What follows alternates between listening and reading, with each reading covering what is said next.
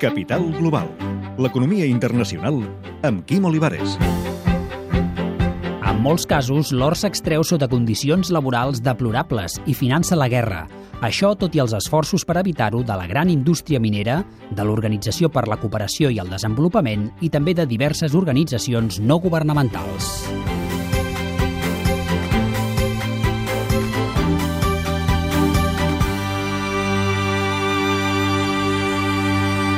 El primer destí mundial de l'or per la joieria és a l'Índia.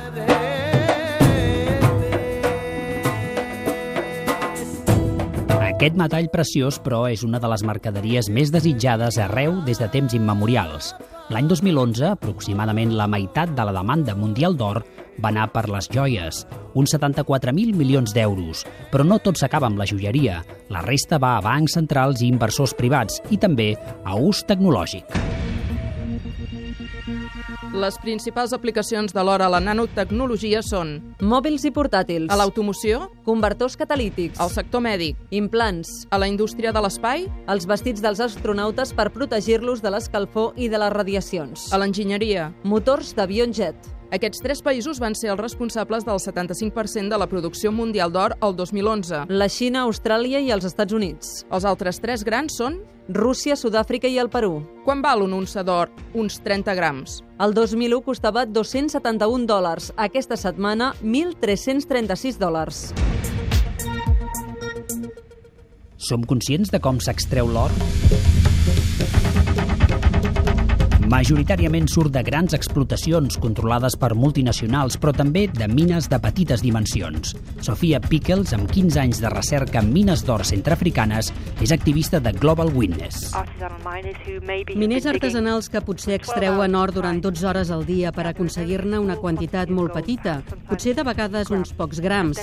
Després el venen a intermediaris que el treuen de contraban fora del país. En el cas del Congo, el porten de contraban a Dubai.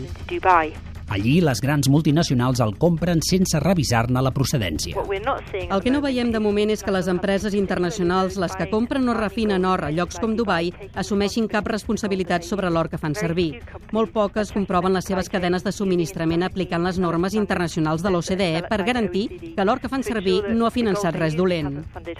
Per combatre-ho, l'octubre del 2012, la gran indústria minera de l'or va crear l'anomenat Consell Mundial de l'Or. Terry Heyman n'és el director. El que fa la norma sobre l'or lliure de conflicte és posar la base per produir or que no contribueixi a la guerra. I aquesta base permet estar segur que l'or que fan servir a la resta de la cadena de subministrament no està vinculat a grups armats il·legals o a abusos dels drets humans. A grans trets, les grans explotacions segueixen aquest protocol, però les petites explotacions no. L'or que s'extreu de les mines artesanals al món s'obté sovint sota condicions molt dures i difícils. Jo mateixa vaig comprovar-ho en una mina d'or centreafricana, on els miners o bé treuen l'or amb el garbell o moltes vegades baixen a mines molt profundes on es poden asfixiar o la mina se'ls pot ensorrar. És similar a països com Colòmbia, per exemple, on les condicions també són molt difícils i on també es fan servir productes químics per refinar l'or que poden ser molt perjudicials per la salut humana. La clau, doncs, és exigir saber la procedència de l'or. El que hauríem d'aconseguir és que les empreses ofereixin molta més informació públicament perquè els consumidors puguin esbrinar d'on ve l'or que compren, les condicions d'extracció i també per obtenir la garantia que aquest or és net, que no ha finançat cap violació dels drets humans.